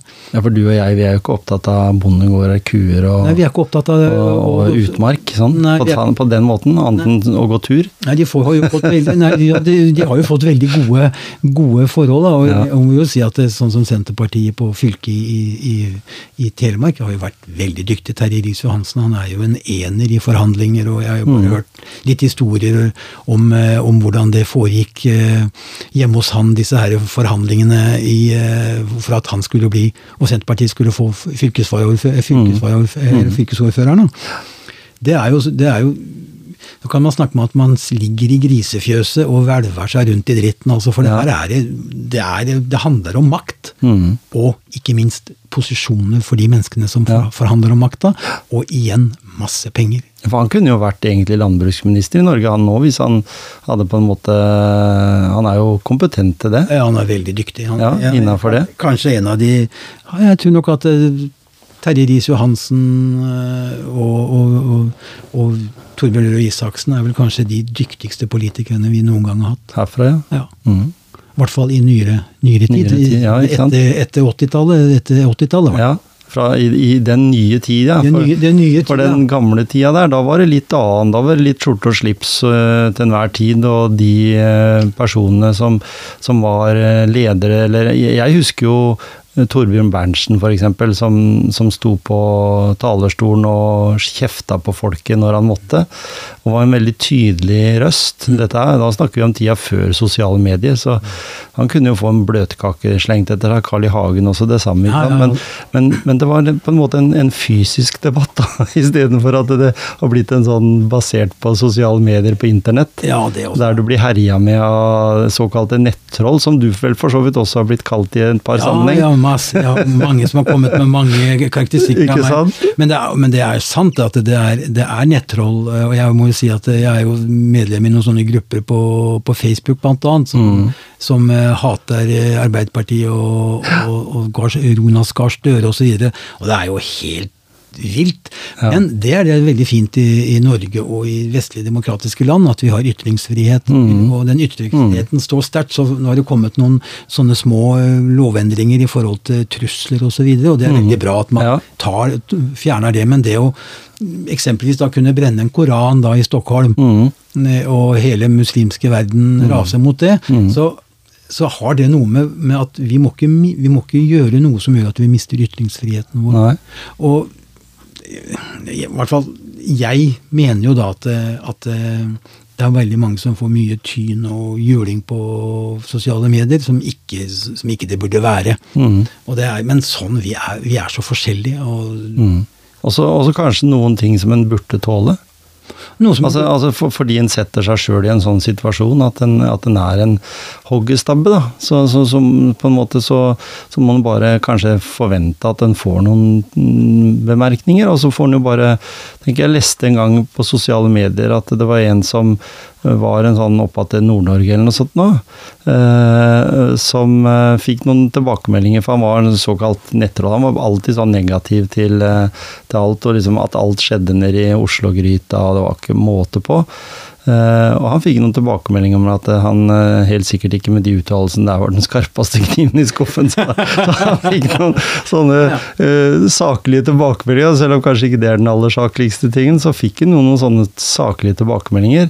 Og, men som du sa her tidligere, dette her med avisa, i morgen så er den på Fisketorget uh, og pakker inn fisk. Uh, og det er jo litt den greia med ting i dag, at hvis du bare lar være å kommentere òg, ja, hvis du lar være så er den saken fortere glemt enn hvis du kommenterer. Ja, du kan si at den, den saken nå med Ola Borten Moe var jo perfekt for eh, Bjørnar Moxnes. Ja. At den vil jo da, så lenge han nå er litt ute av politikken, er sykemeldt, eh, kanskje fram til Arendalsuka, så, så, så gjør jo det at det, muligheten for han kanskje er, eh, er litt større til å kanskje beholde partiledervervet. Mm. Men eh, Men, det, men, men hvem, tenker du, hvem tenker du han må bli kompis med igjen? Altså, hva, hva- må han gjøre? Altså, overfor oss folket så vet jo vi hva han står for sånn i utgangspunktet. Men allikevel så stoler vi ikke helt på den nå, da. Men han er jo allikevel et bitte lite parti som egentlig ikke har noe i utgangspunktet noe makt. Men de kunne ha fått det hvis de hadde på en måte Hvis han hadde gått ut nå i media i en sånn portrettintervju og fortalt at eh, dessverre så sliter jeg med noe. Altså, eller for, fortelle bakgrunnen, for det, det, må, det må jo nødvendig Selv om jeg vet at Rødt de gir en del av det er litt sånn som Jehovas vitner, da. De gir litt av lønna si til, ja da, de til eh, partikassa, eh, som de er på Var det 30 faktisk? Ja, det er 30%. Så, så tjener de noe litt mindre, men et par solbriller, det, har kjøpe. det burde han ha råd til å kjøpe allikevel. Ja, ja, ja, det Så, så, for de har jo ikke vært sånn forkjempe for eh, det at eh, Altså litt med, med lønningene, men allikevel så ser du jo hvor viktig det er å tjene penger for en jobb du, du har. Du kan se, Det er et veldig godt eksempel på det. For eh, Jeg husker ikke hvor lenge det er siden, men det må da være i hvert fall 15-20 år siden hvor, hvor han Frp, Bård Hoksrud, var Ja. i, sammen med noen partikolleger i, i Porsgrunn Frp. De var i Riga. Ja. Og TV 2 sto utafor et horehus og filma de og prøvde å få tak i de. da, og fikk snakka med Bård Hoksrud. Hvor han eh, da kom eh, med svett under armene og kom fra, ut fra det horehuset da, og, og, og spurte hva han hadde gjort der. Og da la han seg flat med en gang. Mm.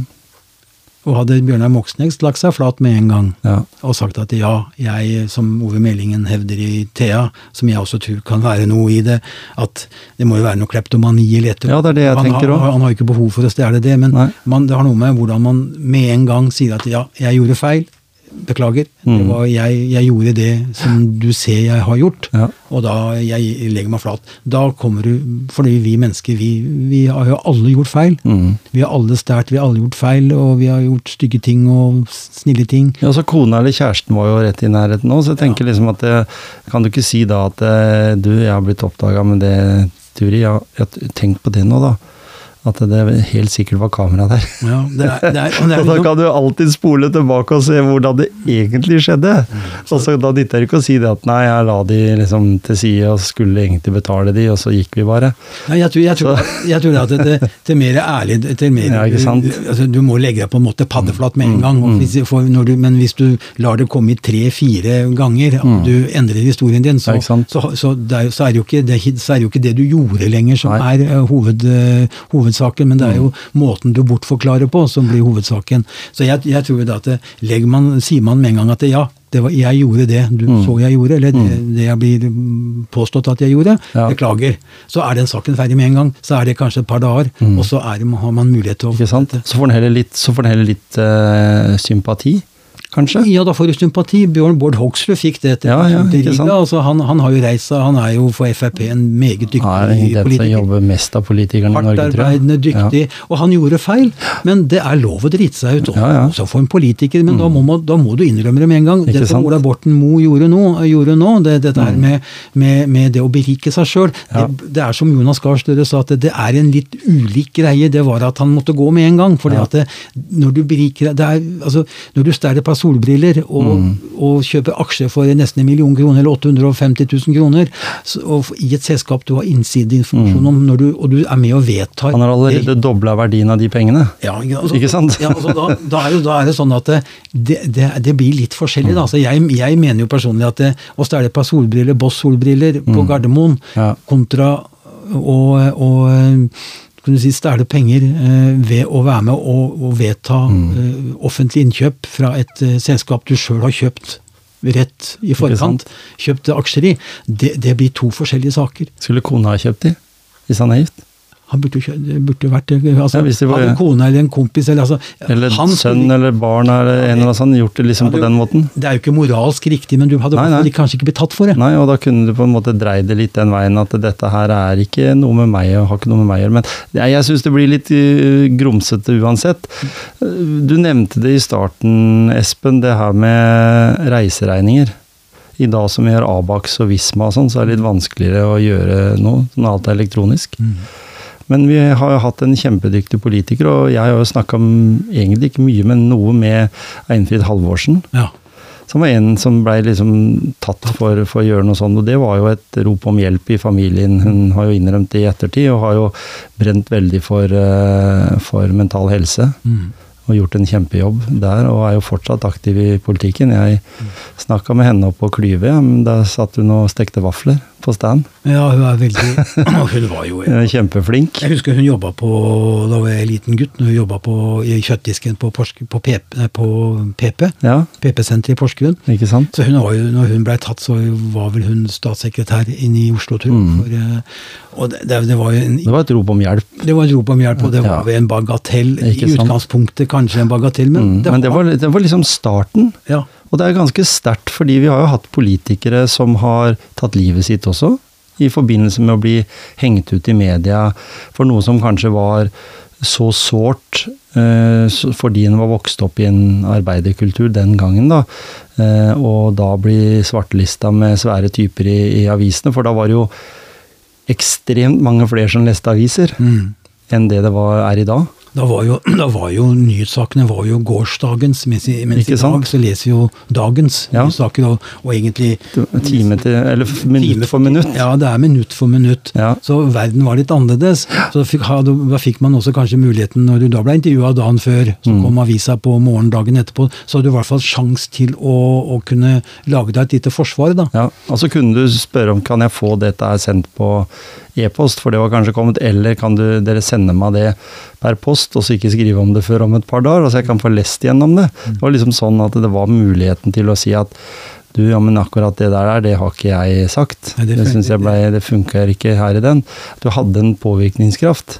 alt- Det har vi ikke i dag. Nei, alt, alt foregår veldig veldig hurtig. Og, Mm. og, altså det, det som jeg syns må kanskje være litt av motivasjonen, da, dette her med, med, med inhabilitet og politikere og jeg, jeg, jeg, jeg er veldig opptatt av at, eh, at det å være politiker og det å være i et politisk parti, det må være åpent. Mm. Og det må være åpent for alle. Ja.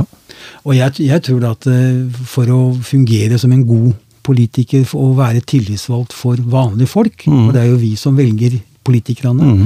så hvis du klarer å være edruelig og, og ikke være opptatt, bare opptatt av deg sjøl og hva du sjøl kan få ut av det, men Mhm. også være opptatt av, av, av de politiske sakene, så tror jeg du kan holde deg på toppen gjennom mange mange år. Og du ser noen gjør det. Ja. Jeg tror personer, personer som Terje Riis-Johansen er oppriktig interessert i politikk, oppriktig, eh, oppriktig interessert i å gjøre bra for andre folk. Mm. Men det er klart at eh, han har jo levd godt av det nesten hele livet sitt. Ja, ja. Det er klart at det, det er jo kanskje vanskelig å, vanskelig å kunne tenke seg å drive med noe annet også. Mm. Så jeg mener jo at veldig mye av politikken blir laga av politikere når de lager godtgjøringsreglementene. Mm.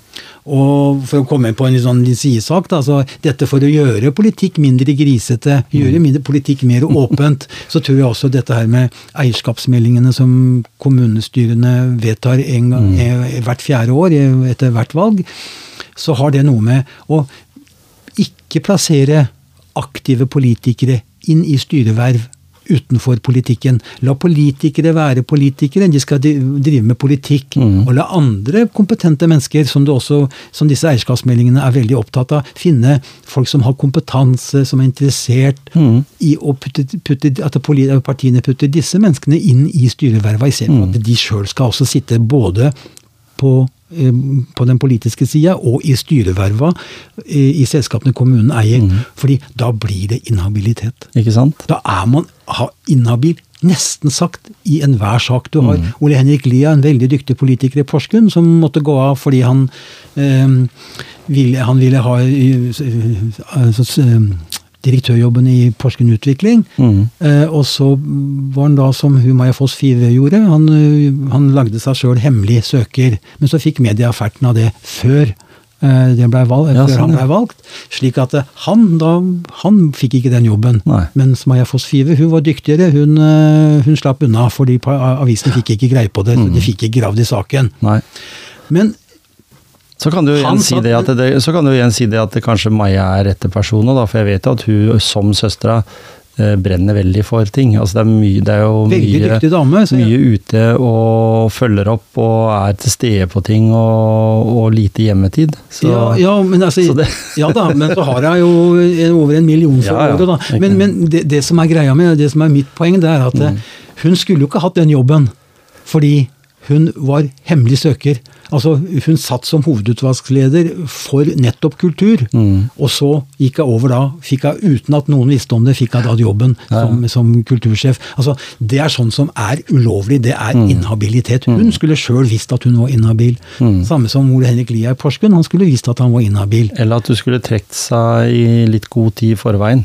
Sånn at hun du ikke var i det utvalget fordi hun da Da ville hun ikke vært inhabil lenger. Da ville hun vært som deg og meg. Ja da, men, ja da, men hvis, det, det hadde ikke hjulpet om vi hadde gått av noen måneder før. For hun kjenner jo de menneskene. Hun, Ja, ja. hun var jo sjefen til de som ansatte. Ja. i Den politiske sjefen. Så jeg, jeg mener at det, når du da Sånn som i Porsgrunn for eksempel, med Ole Henrik Lia, som er en fin, fin fyr, en dyktig politiker han var, eh, som nå sitter som eiendomssjef. Han var jo inhabil i nær sagt hver eneste sak. Mm. I Arbeiderpartiet i Porsgrunn i dag, Trond Ingebretsen, han er jo inhabil nærmest i hver eneste sak som er i, i bystyret. Ja. Mm. Fordi han har så mange styreverv ved siden av, som han hadde fått gjennom maktposisjonen sin i Porsgrunnspolitikken. Så kan han si at 'jeg vil ha det styrevervet og det styrevervet', og så får de det. Og så, og så kommer det jo hele tida saker ja. fra, Som er relatert som er til relatert til disse selskapene. Så må du da sitte på gangen, og det, det, det trenger vi ikke derfor. Nei. La politikere være politikere, og så kan de fordele styreverv til folk som har kompetanse Mm. til å bekle de, de, de verva. Jeg, jeg har tenkt på det en gang, og jeg har nevnt det også, jeg vet ikke om vi har snakket om det, men jeg tenker også sånn, er det ugunstig at uh, noen av de som sitter i regjering også er uh, formann i et parti? Ja, for grunn, grunnen til at jeg tenker på det, nemlig, det er jo det at Eh, du ser hva det har gjort med Senterpartiet, i forhold til at populariteten til Vedum da, den var jo veldig stor før valget. Veldig kjempe, Det var jo nesten Norges nest største parti, ja, Senterpartiet.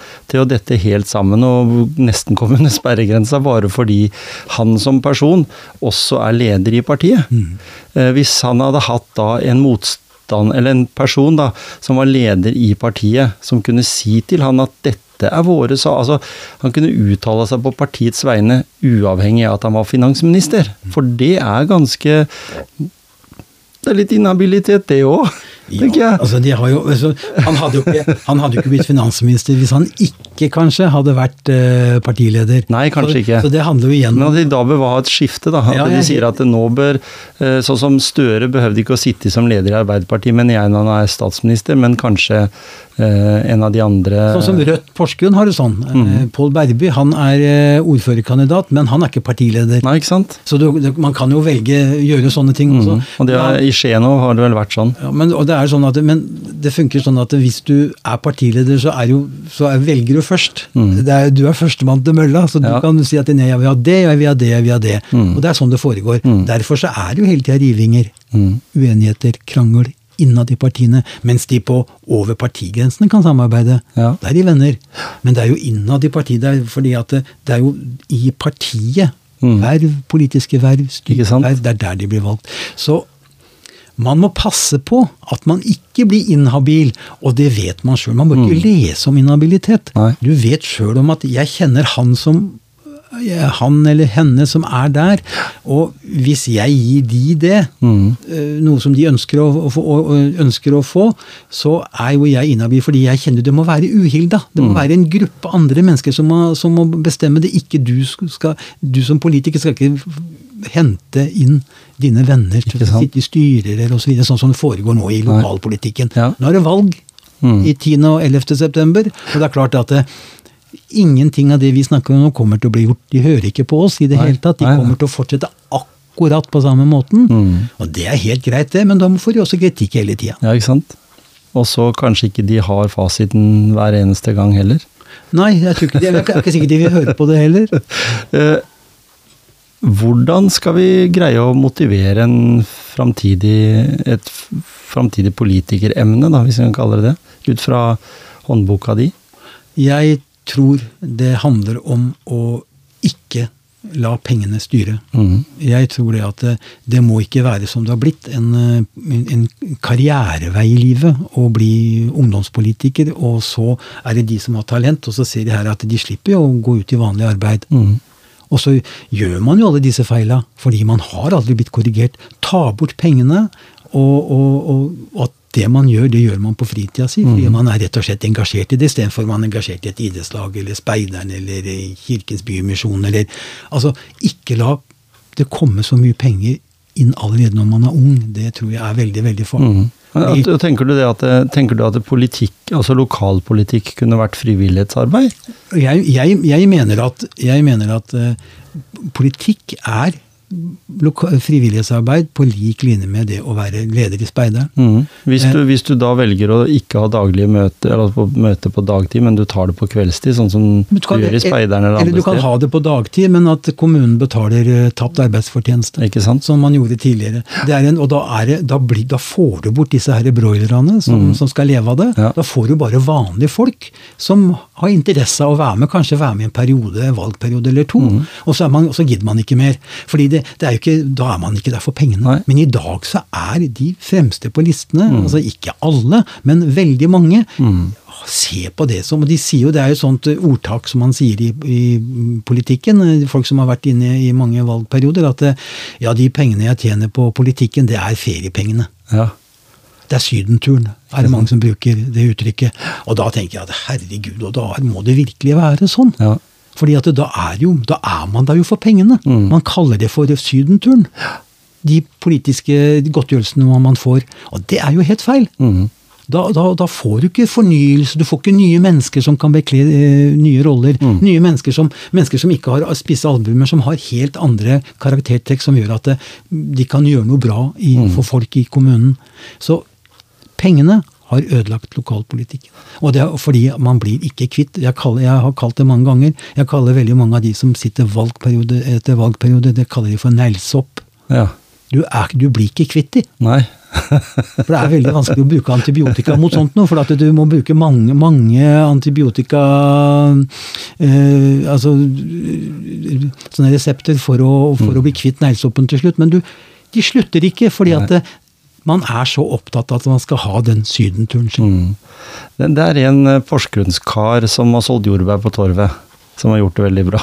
Ja. Eh, Petter Stordalen. Mm -hmm. Han sier jo det veldig enkelt både i boka si, men også sånn utad eh, blant folk. At, eh, og han kommer jo fra en familie med mange flinke folk. De er flinke til å jobbe, i hvert fall. Mm -hmm.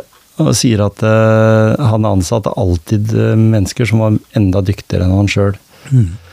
Kunne det vært en tanke for våre politiske venner? At de, når de først er på leit etter nye dyktige politikere, så kan, kunne de finne noen som var enda litt bedre enn de sjøl, eller er det litt skummelt kanskje i politikken? Nei, jeg syns jo det måtte vært veldig fint. Ja, Hvis du sitter som politiker og kommer inn i bystyret eller fylkestinget, og så, og så det, må man vurdere folk til ulike styreverv i, i kommunale bedrifter mm. eller interkommunale bedrifter, og hente Ja, vi vet om han, han eller henne der, ja. som er dyktig på det feltet, mm. og plasserer de disse vervene. Mm så får du kanskje en helt annen, en helt annen drift i, i, i, de, i, de, kommunale selskapene. Men du vil jo måtte hatt den lønna for det?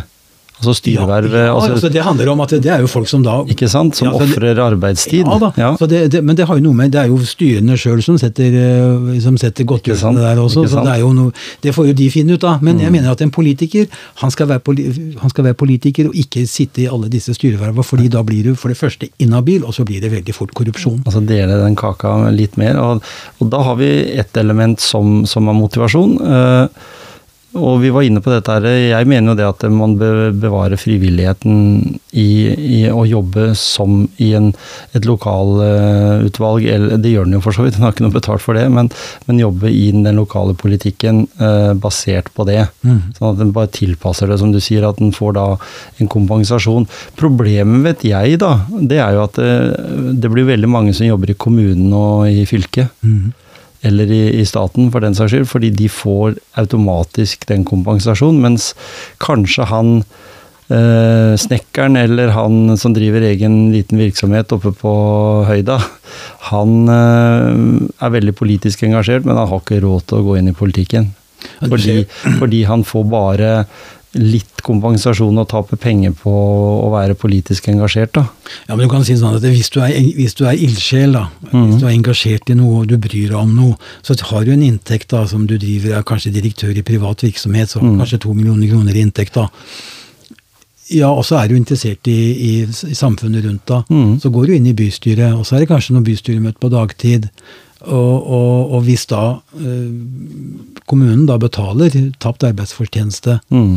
Og hvis ikke det er nok, ja, men da er du ikke interessert. Nei, ikke sant? du brenner da, ikke nok for det. Da, da, er du, da, er du, faktisk ikke interessert, for da er det jo pengene dine pengene som styrer. Mm. Så jeg mener at hvis du, har et, hvis du har et ansettelsesforhold, eller du har et firma, så det å finne ti til tre-fire timers møter en gang i måneden, det, det har mm. alle. Mm. Hvis, du er, hvis, du er, interessert nok. Så det de, det politikerne, de fremste politikerne sier, at man må ha gode godtgjørelser for å få med de beste folka. Mm. Ja, men det er jo ikke de beste folka som sitter der hele tida. Det er de samme folka som sitter der hele ja. tida og styrer. Fordi de har så god inntekt av det. Mm. Så ta bort mye av de pengene, skrell ned godtgjørelsesreglementene, så kan du få inn nye mennesker og mm. valgår for valgår, sånn at alle får prøvd seg. Mm. Så alle kan være med. Da, da skal du si at det, kanskje kritikken stilner fra på Facebook.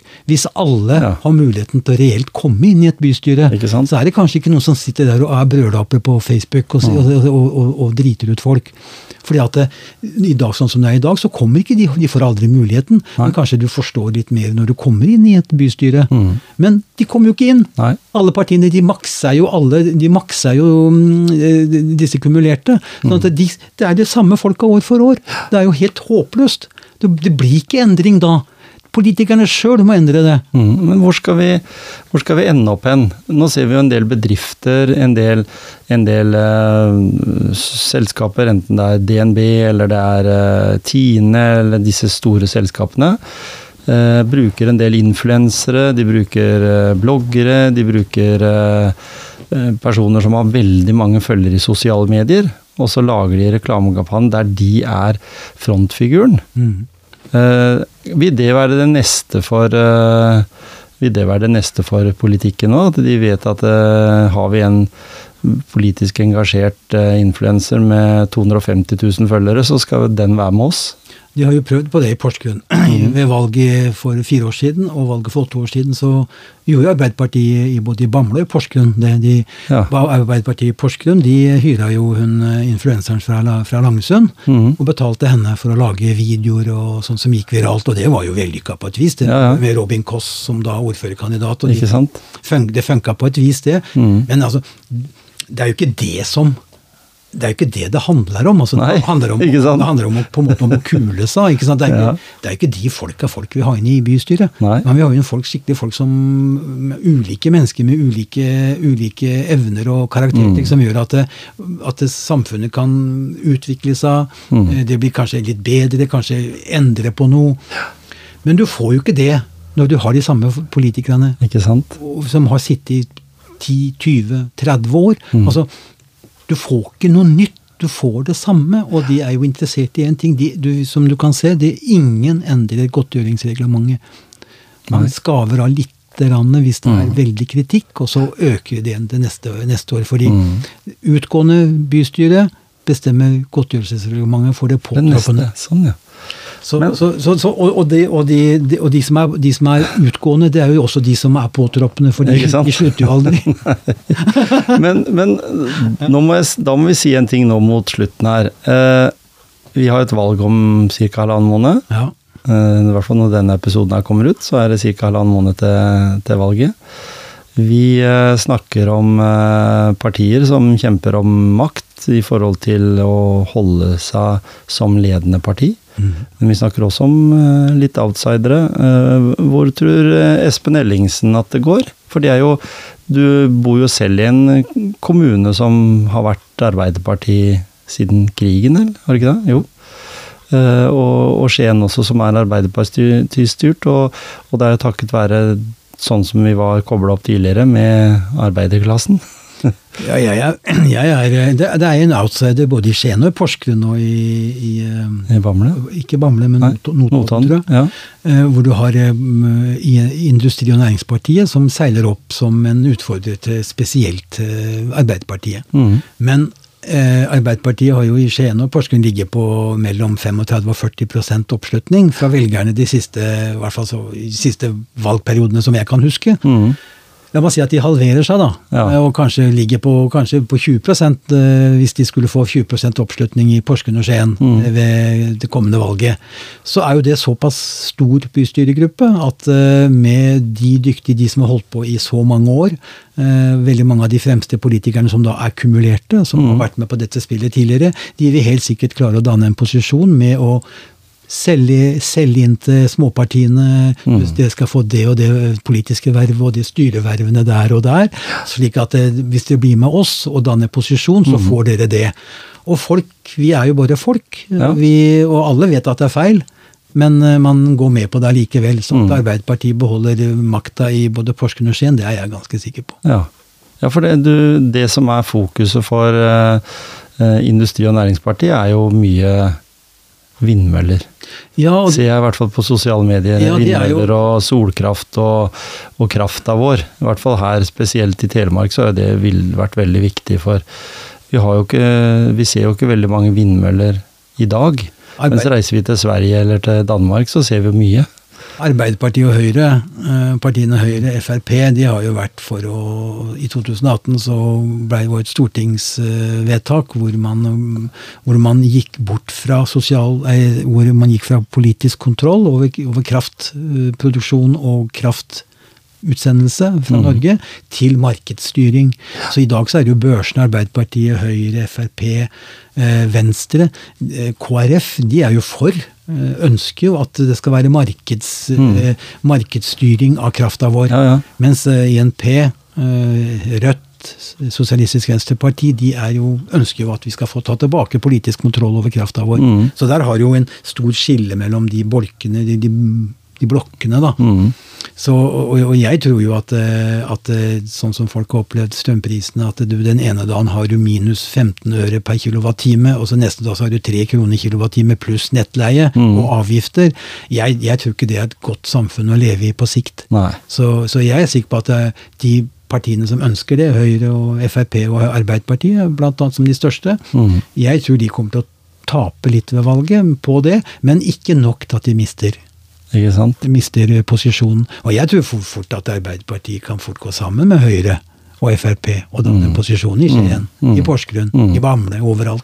Ja, for politikeren, eh, samarbeid mellom, på tvers av partiene eh, lokalt i kommunalt, da, er ikke, det svir ikke like mye. Det er ikke like stor fargeforskjell lenger som det det var. Nei, det er nesten ikke det. Så Nei, ikke sant? Hvis du, hvis, du, leser eh, partiprogrammet til lokalt i Skien, Mm. Frp i Skien og, og Rødt i Skien, Ja. så er jo de samarbeider jo om fler, flest saker, om, eller om flere saker enn Ja. en Rødt og Arbeiderpartiet Mm. gjør, eller Rødt og, og Høyre gjør. Ja. Så Frp er jo et, et, et sånt litt rart parti som, har, som spriker veldig i partiprogrammet sitt, som, som har fokus på, på gamle folk, på eldrebølgen som kommer. Mm. De har fokus på, på noe som jeg syns er viktig å ha fokus på, bl.a. på migrasjon. Mm. Jeg mener at i dag så er det eh, nesten 100 108 millioner mennesker som er på flukt. Mm. Og at ikke Norge, partiene på Stortinget, og også hvordan man tenker lokalt, tenker om det. Hva, skal vi gjøre med, med, med å kunne hjelpe folk fortsatt Mm. i, i Norge, men også hjelpe folk der de bor? Ja. Altså, at ikke, men det er en sånn, et tema som veldig mange har berøringsangst for. Og hvis du sier noe høyt om det i eksempelvis Verden, TAPD eller hvor det er, eller i NRK eller på podkasten her, Ja. så, så blir du stempla som, som et dårlig menneske. Ja. Og det er sånn, det er sånn Politikken er veldig rar, og jeg har jo blitt stempla som ditt og datt gjennom mange år, og det lever jeg veldig godt med. Når jeg, når jeg hører det fra de menneskene som jeg hører det fra, så er det, syns jeg det er egentlig Ja, nesten et kompliment noen ganger, men det er min Ja, mening. For Espen, eh, er, du er bygd sånn at du er hardhuda. Ikke i utgangspunktet, men du blir jo hardhuda når, du, når du får veldig mange klare beskjeder. At Mm. det, det du mener, det er helt feil. Og, og så viste det seg, altså, med alle de meningene jeg fikk om, Ja. om politikergodtgjørelser og, og fordelsapparatene som er bygd opp i kommuner og fylker, Mm. så når jeg starta med det for en 15 år siden, Mm. så blei jeg jo hetsa, og folk skjelte meg ut av veldig mange som jeg har kjent fra jeg var liten gutt, som ikke vil snakke med meg lenger fordi jeg mener det jeg mener. Mm. Så tenker jeg at ja, men det forteller jo kanskje mer om dem enn det forteller om Ja. meg. Og så viser det seg at det stemmer òg, da. Når du ser nå da på Ja. Stortinget, det er jo et ras og et raus av profilerte politikere som aldri har vært i arbeid, som er politiske broilere, som, som har brukt det som en karrierevei. Mm. så har de ikke gjennom, gjennom et vanlig arbeid blitt korrigert. Så går de til helvete med de. Og så mister de alt på én dag, så er alt ferdig. Mm. Og da tenker jeg at det, kanskje det hadde vært smart å, å, å ikke bruke så mye penger på politikere, på, på fordeler som andre, eh, andre kan få, slik at du kan heller få inn mange flere andre typer mennesker Mm. som også kan være med. Og så kan man kanskje ta seg fri en, en periode, så kan man begynne å gå på igjen, men kanskje hvis du, hvis du syns det er moro med, med, med politikk. For jeg mener politikk må være idealisme, ikke at det skal handle om penger. Nei? Når man, når, man, når man sier at det, jeg er i politikken nærmest fordi at det, det er så kjekt, for da har jeg, har jeg råd til en sydentur Mm. i året, da blir det feil. Men, men når du tenker da sånn ja, det, Dette var jeg litt nysgjerrig på, akkurat det her sånn eh, helt uh, på tampen. Hvis du som politiker sitter med eh, en lønn på eksempelvis 1,2, da, det kan jo fort være det, det er jo Oslo-baserte lønninger dette her. Ja, ja, ja. Kan jo være oppe i 1,5. Flere som- Eh, og det er, mange det er mange tusen kroner utbetalt hver måned. Som du mister da Altså han, han uh, Ola Borten Moe er jo fortsatt på Stortinget, så han har jo den lønna å dette tilbake på, da, men allikevel, han mister ganske mange rettigheter. Han har hatt uh, fri bil, sikkert, eller i hvert fall hatt bil med sjåfør. Uh, og det forsvinner umiddelbart. Eller tror du at han har en sånn oppsigelsestid eller sluttpakke eller et eller annet i forhold til det. For det er jo, det er jo surt for en som Du lever jo litt etter lommeboka di. Ja. Eller hva som kommer inn på konto, i hvert fall. Ja, det, det. Og plutselig så er det da, si måneden, eller plutselig så er det 80 000 borte, da. Ja, altså når, Neste måned. ja, så du kan si at det, når, du er ferdig, når du da, er, eh, når du da mister maktposisjonene dine, mm. som Ola Borten Moe har gjort, ja. og Trettebergstuen har gjort nå bare mm. de siste ukene, så er det klart at det, det, som, det er jo ikke bare det at de mister maktposisjonene sine, gode inntekter og, en, og knust Og så mister anseelsen. Ja, ja. det, det, er kanskje det verste, å miste anseelsen ja. sin. Men det er, ikke, det er, ikke, bare det.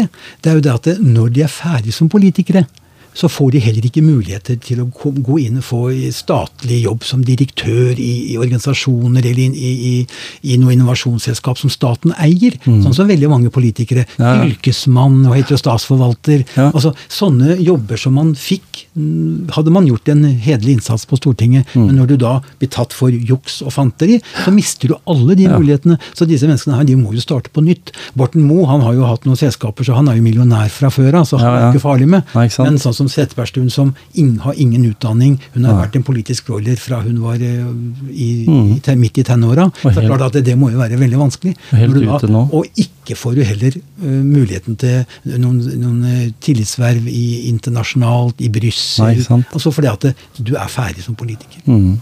Og, så, og, i tillegg så kanskje du ender opp i kassa på Kiwi. Selv om ikke det er noe dårlig jobb, da, sånn sett. Jobb, så, men allikevel. Men, men, da, men da, er det, da, er det, på en måte ferdig, og sånn som politikken mm. virker, sånn som vi mennesker er. da, at når noen, Det er jo ingen som vil ta på Trettebergstuen lenger. Nå er, nå er, det kanskje ingen som vil ta på Ola Borten Moe lenger. Og plutselig så er det ingen. Og det er jo litt av politikken når, sånne, når det er så mye makt konsentrert mm. noen, så tør ikke mm. å ta i disse menneskene. Nei. Sånn som det er mange som ikke tør å nevne navnet Espen Ellingsen. Ja. Så, så, så, er det sånn at Selv om jeg har ikke noe penger for det, så, så, er det sånn at du mister alle disse mulighetene som ligger også etter etter politikken, hvor part, ditt parti henter deg og fremmer deg som kandidat mm. til Sånn som Torbjørn Jagland, f.eks. Han var nede i Strasbourg ja. som i en eller annen kommisjon som han satt som leder i 16-20 mm. år. Altså, Du mister sånne muligheter når mm. du blir tatt med buksa Buksa ned. Eller buksa nede, eller, ja. eller handa i bukserommet til andre. Ikke sant? så, så, så det, du må ikke, må ikke, gjøre sånne ting, og det er jo litt av politikkens vesen mm. som er jo veldig bad. Da, for det er jo, De snakker jo om at man har, skal føle med de og hjelpe de, og, men når de som nå har mista posisjonene sine, mm. de er ferdig, men, det, det, er ikke mer. Altså, nei, de, går, de, går, jo to år til, og så er det, så er det over. Borte vekk. Mm. Men når vi da sier det at uh, For en liten sånn oppsummering. Mange som har gjort ting feil. Uh, få av de som har lest boka di. Ja. Uh, de burde lese den. Må lese den. Ja, det er satire, men de burde lese den. Du får kjøpt den på nett, og den er på Bookis òg faktisk. Det, ja. Hvis noen har da lest den ut, sånn at de ikke på en måte ønsker å ha den i hylla heller, for de har ikke noen bokhylle. På ebook.no, du ha politikerhåndboka der. Den er veldig viktig å lese for, spesielt for folk som tenker at de skal berike seg. altså Da kan de se hva de må gjøre for å berike seg som politikere. Nemlig. Og når vi snakker om det eh, I Norge så lykkes vi i mer enn bare langrenn. Ehm, jeg vil jo si det, at vi lykkes i fotball, vi lykkes i golf, tennis. Eh, nå har vi jo fått en lokal gutt fra Kleiva med med sykkel ja. i Tour de France. Veldig, det er kjempegøy. Ja, Men vi har jo også Jens Stoltenberg. Ja som får da gjentatt og gjentatt, til og med fra presidenten i USA, selv om kanskje ikke han er den som er eh, Så er han god nok til å være president i USA, mm. til å få et klapp på skuldra og si at du må være med videre. Mm. Er kanskje vår tids beste politiker, eller? Ja, og så kan folk spørre seg sjøl hvorfor er det ingen som har klart å felle Jens Stoltenberg gjennom en, et langt politisk liv i Norge, Mm. og nå snart ti år som eh, Natos generalsekretær? Ja, han har jo hatt en søster som har vært rusmisbruker, og en annen søster som har vært høyt oppe i det. FOI, direktør i FHI. Ja, ikke sant? Så det har, noe med, det, har noe med, det har noe med den moralen. Mm. Og hvis du er nøye med å kjenne etter i din egen det vi kaller for maveimpulsen, Mm. når du kjenner at det er noe er feil, så er det feil. Mm. Så du, du bør ikke spørre noen om jeg er inhabil, eller om jeg er korrupt nå. Nei. Du vet at du er det sjøl, og så noen ganger så går det. Men, Mm. som Ola Borten Moe nå, det gikk ikke. Men kan han ha hatt noen gode korrigeringer underveis av foreldre? Tydeligvis ikke, fordi at han Nei, har, mener, nei nå mener jeg Jens Stoltenberg. ja, han har jo tydelig men han Ikke sant? jo, Han har gode, de har gode verdier fra den tida som, som eh, familie òg, med Thorvald Stoltenberg og, og mora, liksom, som kanskje har hatt eh, noe som vi alle eh, lever med. Har- Hvilke korrigeringer du har fått underveis. Jeg tror han har et veldig godt eh, moralsk kompass inni seg, og så tenker han at eh, hva kan jeg som topp Han sier jo sjøl, at eh, for å bli toppolitiker som meg, så må du være en spesiell type. Ja. Ja, det er folk som er harde. De er harde i huet. Skal du nå som Jens Stoltenberg, så må du være veldig hard i huet. Mm. Veldig bra, Espen. Tusen takk for en veldig motiverende prat, vil jeg si. Jeg håper at vi har motivert noen der ute til å levere stemmen til det rette partiet. Stem 10. og 11. september. Det er veldig viktig å velge. Også bruk eh, den, altså den flyeren du får i handa som du skal stemme med. Her kan du stryke, og du kan gi folk personstemmer. Så mm. gi folk som står nederst på den lista som du skal stemme på, det partiet, gi de en personstemme. Nemlig.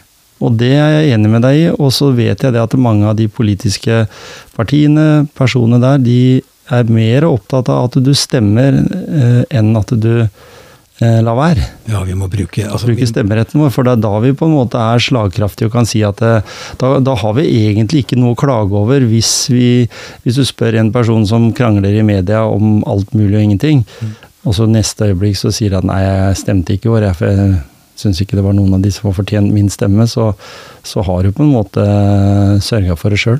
Stem, bruk stemmeretten. Det handler om, eh, om en type ytringsfrihet. I Norge så er det en menneskerett å stemme, mm. og det er også en plikt å stemme. fordi at det, det er så viktig for å vedlikeholde demokratiet vårt, det er å, at vi putter den stemmen i, i, i valgurna, som gjør at, at vi er sikre på at vi er med. Mm. Der fikk vi sagt det. Takk. Takk for i dag. Takk for meg.